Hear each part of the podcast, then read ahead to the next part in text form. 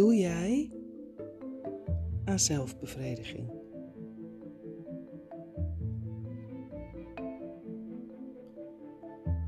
Of doe jij meer aan de bevrediging van anderen?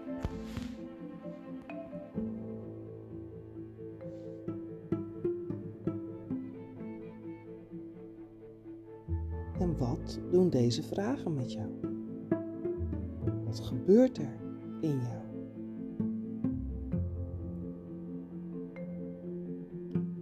Schrik je bij deze directheid?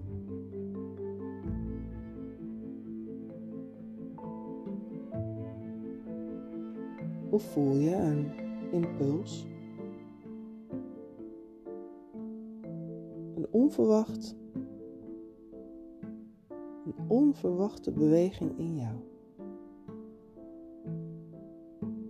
Bekende beweging in jou. En kan je daarmee zijn?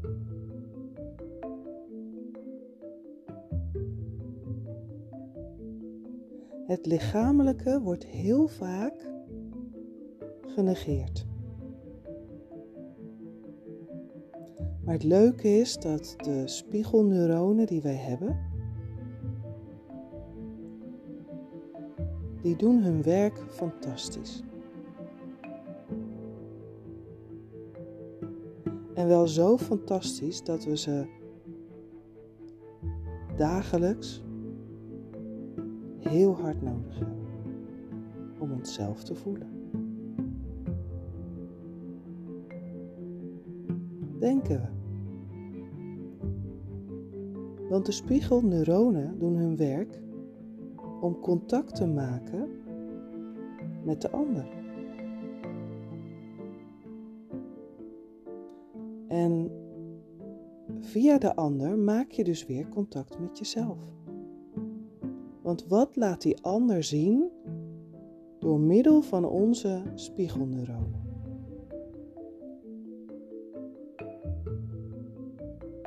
Het laat zien wat wij qua lichamelijke impulsen kunnen verwerken.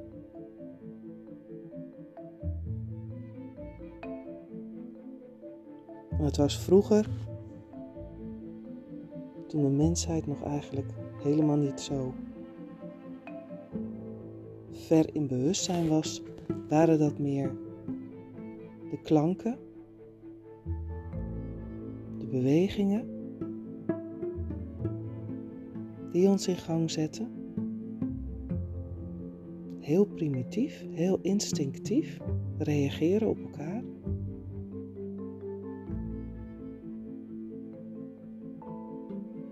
En nu zijn we dus zoveel eeuwen verder gereisd en ons zoveel meer bewust geworden van het lichaam en van de bevrediging van het lichaam. Maar ook de bevrediging dus van het zelf en de ander.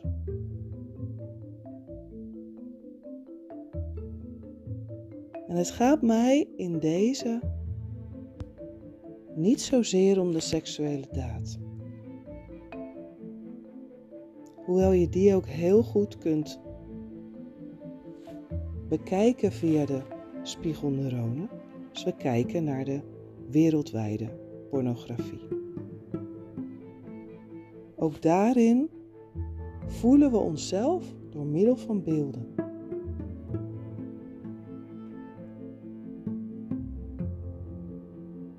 En de seksualiteit hoort bij het leven, dus als we daarin kijken,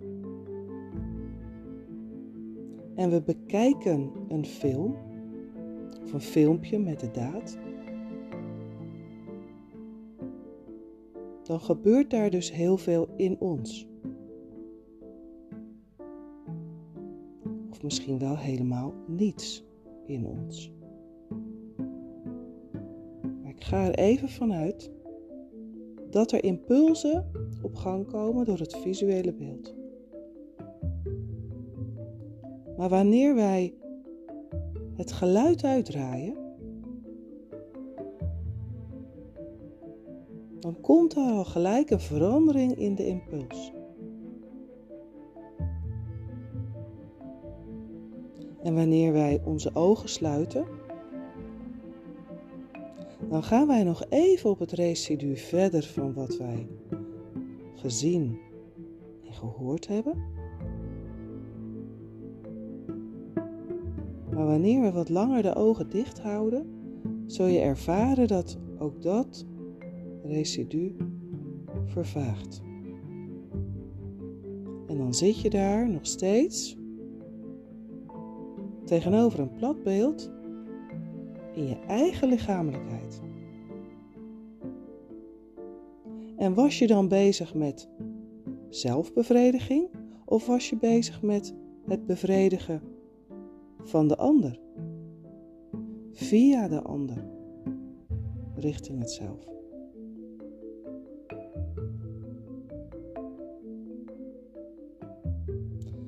Voor mij zijn dat hele leuke, spontane ontdekkingen.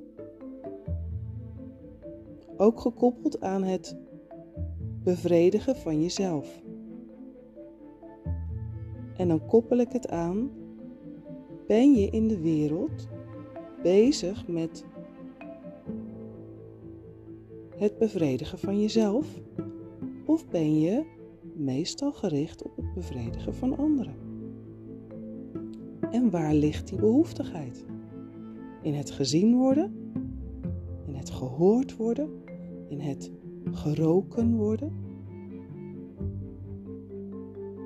in het geraakt worden, aangeraakt worden.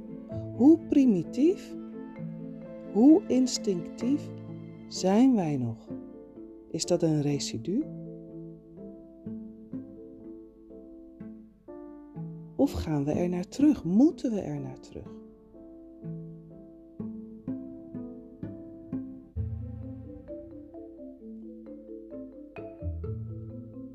Vraagt de nodige zelfreflectie en tijd met jezelf om te leven in een bevredigde staat van zijn.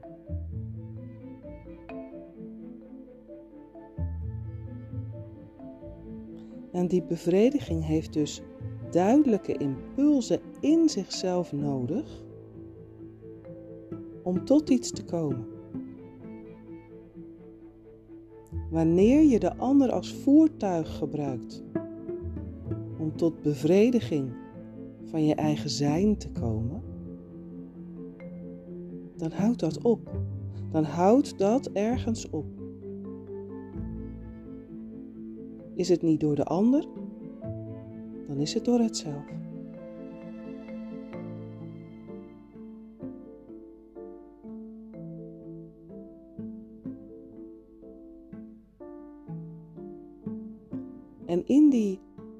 Levensloop zitten pieken. Pieken van samen, pieken van zelf, pieken van stilte, pieken van chaos, het niet weten, je bedreigd voelen, verdriet. Maar waar ben je dan?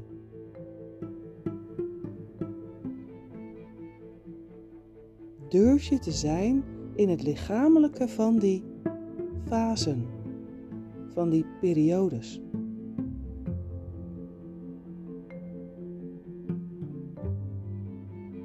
Veel mensen houden een dagboek bij, houden een dromendagboek bij houden een kasboek bij, houden hun financiën heel goed bij, houden hun vrienden bij, maken balans op van wie nog wel aanstaat, wie uitblijft. We volgen allemaal patronen. We denken vaak in zekerheden in bekende wegen, zodat we ons veilig voelen.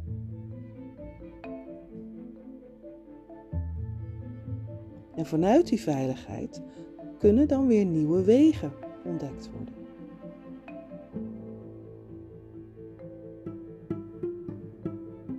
Wegen die het zelf bevredigen. En wanneer het zelf bevredigd wordt en daarin dus geluk, vreugde, vrijheid, ruimte ervaren wordt, neem je de ander mee door middel van die spiegelneuronen. Want wat jij laat zien in jezelf, ziet de ander door middel van jouw bewegen in de wereld.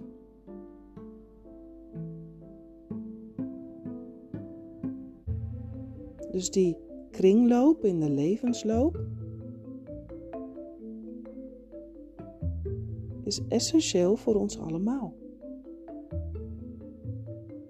En laat dan het oordeel eens in het midden. Liever gezegd, haal het oordeel uit het midden, zodat het minder of misschien zelfs niet gezien meer En dan is de vraag: waar laat jij je oordeel? Kan je het als een artikel uit je koffer na je vakantie het achter je laten, het vergeten, ervan wegreizen? Of is het oordeel iets wat je dichtbij houdt? Dan niet middenin, maar in je zak of achter je of naast je als veiligheid, een backup.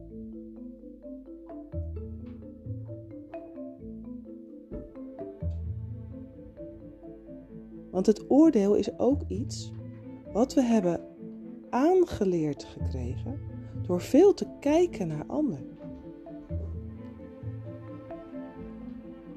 Door veel de interactie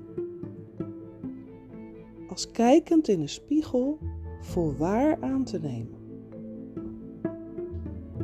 En we zijn nu volwassenen. Dus wij kunnen een nieuwe beweging herkennen in onszelf. En elke nieuwe gewaarwording geeft zelfbevrediging. Weg van het oordeel, goed of fout. Want wij zijn. Wij zijn nog steeds doorspekt van instincten en impulsen. Nog veel meer dan dat, maar ik blijf daar even bij. En als die ontkenning weg mag vallen van de impact van de impulsen, dan komt daar ruimte voor zijn. Wie jij bent. In alles. In alles wat er gebeurt. In de stilte, in de pijn, in de vreugde, in het niets, in het willen, in het laten, in de frustratie, in het verlangen.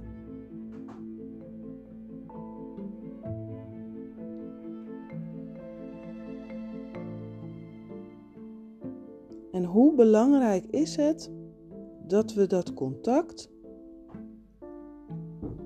met ons lichaam blijven voelen. Het afgelopen jaar was niet echt een jaar van voelen van het lichaam door middel van de ander. De affectie die we normaal hebben naar anderen, van even vastpakken, even aanraken, even het voelen van het instinctieve ik wil bij jou zijn van vrienden een familie waar je toe behoort. Wat vroeger dus heel primitief echt toebehoren was. Dat was toe-eigenen, dat was echt zowel vechten als liefhebben met je hele stam, met je hele groep. Is dit jaar helemaal veranderd. En we weten allemaal de reden en we weten allemaal wat de gevolgen waren dit jaar.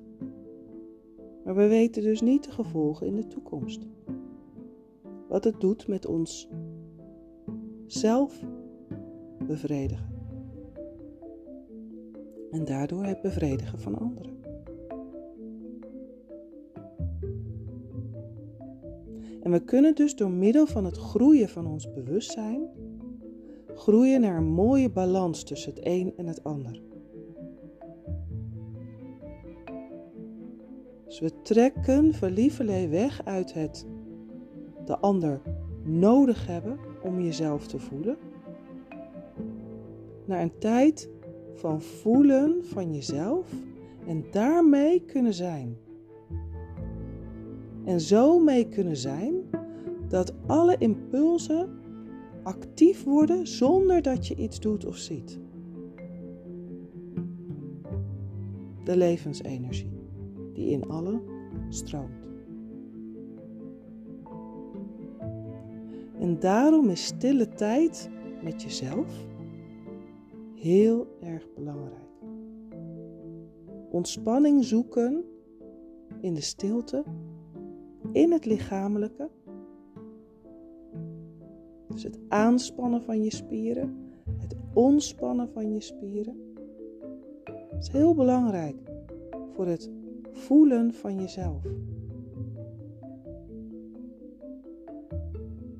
En er zijn heel veel meditaties voor. Maar je kunt het heel simpel doen. Iedere spier in je lichaam op een moment stevig samen te laten trekken. Een aantal tellen mee zijn en loslaten. Je kunt het zien als een spons die je uitknijpt spier wordt uitgeknepen, het oude bloed gaat eruit. Je maakt het los en er zuigt weer vers bloed in.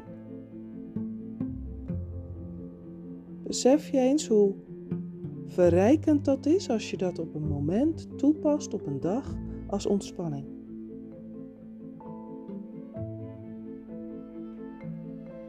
En bij herhaling wordt die verkwikking, die vernieuwing in je lichaam voelbaar. Wij zijn zo dicht bij verrijking van je zijn, dat we het helemaal over het hoofd zijn gekeken. En over het hoofd van de ander. En ik hoop dat ik duidelijk ben. Dat je iets voelt van de beweging waar ik naartoe wil.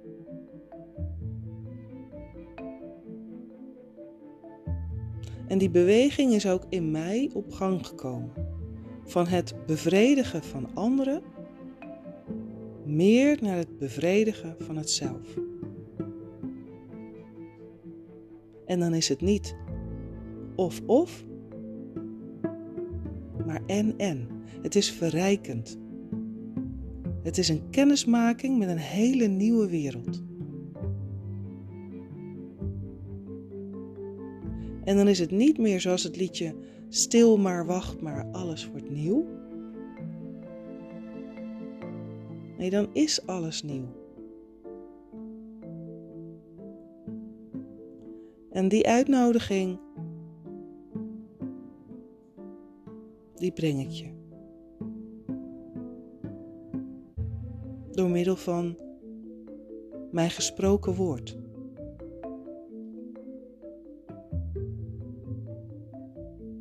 welke ook impulsen afgeeft in jouw brein, in jouw lichaam, in jouw denken en voelen.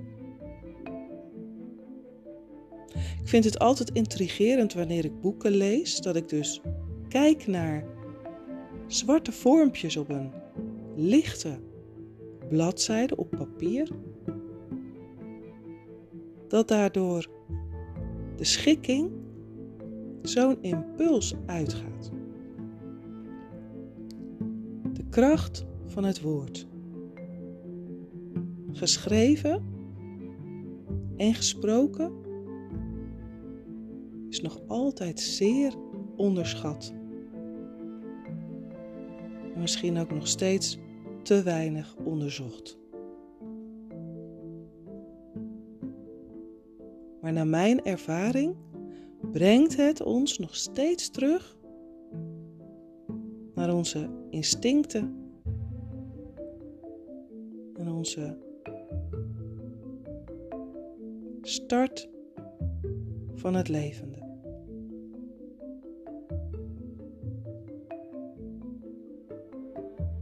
En als dat samengaat met het tijdperk waar we nu in leven, dan maken we dus een hele mooie sprong mee.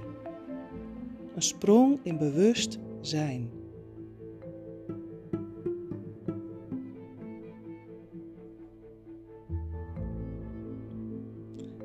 Ik wens je komende week deze momenten toe. Richting de kerst. Richting de kerstgedachte. Bewust zijn dat nieuw leven scheppend is.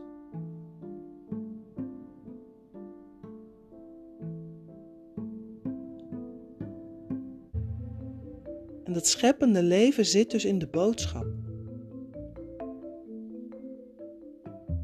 In de impulsen die we daardoor voelen. In onszelf. Ieder haalt daar dus een andere boodschap uit.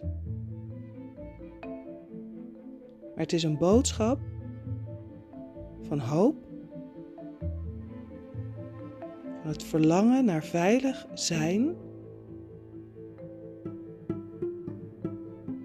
bevrijd worden, naar vertrouwen hebben in een hoopvolle toekomst. En laat die hoopvolle toekomst al volledig in jou liggen.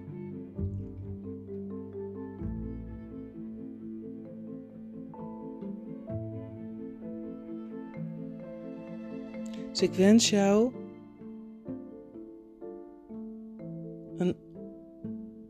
ontwikkeld kerstfeest toe. Het kindje lag gewikkeld in doeken. Maar laat het kindje maar zonder doeken zijn. Laat het jou maar aankijken in de liefde en in het zachte en in de impuls van nog een heel leven voor zich hebben. En gaat het dan doen aan zelfbevrediging? Of gaat het dan gericht zijn op het bevredigen van anderen? Dat is de vraag die het kerstkindje jou eigenlijk stelt. Wie ben jij daarin?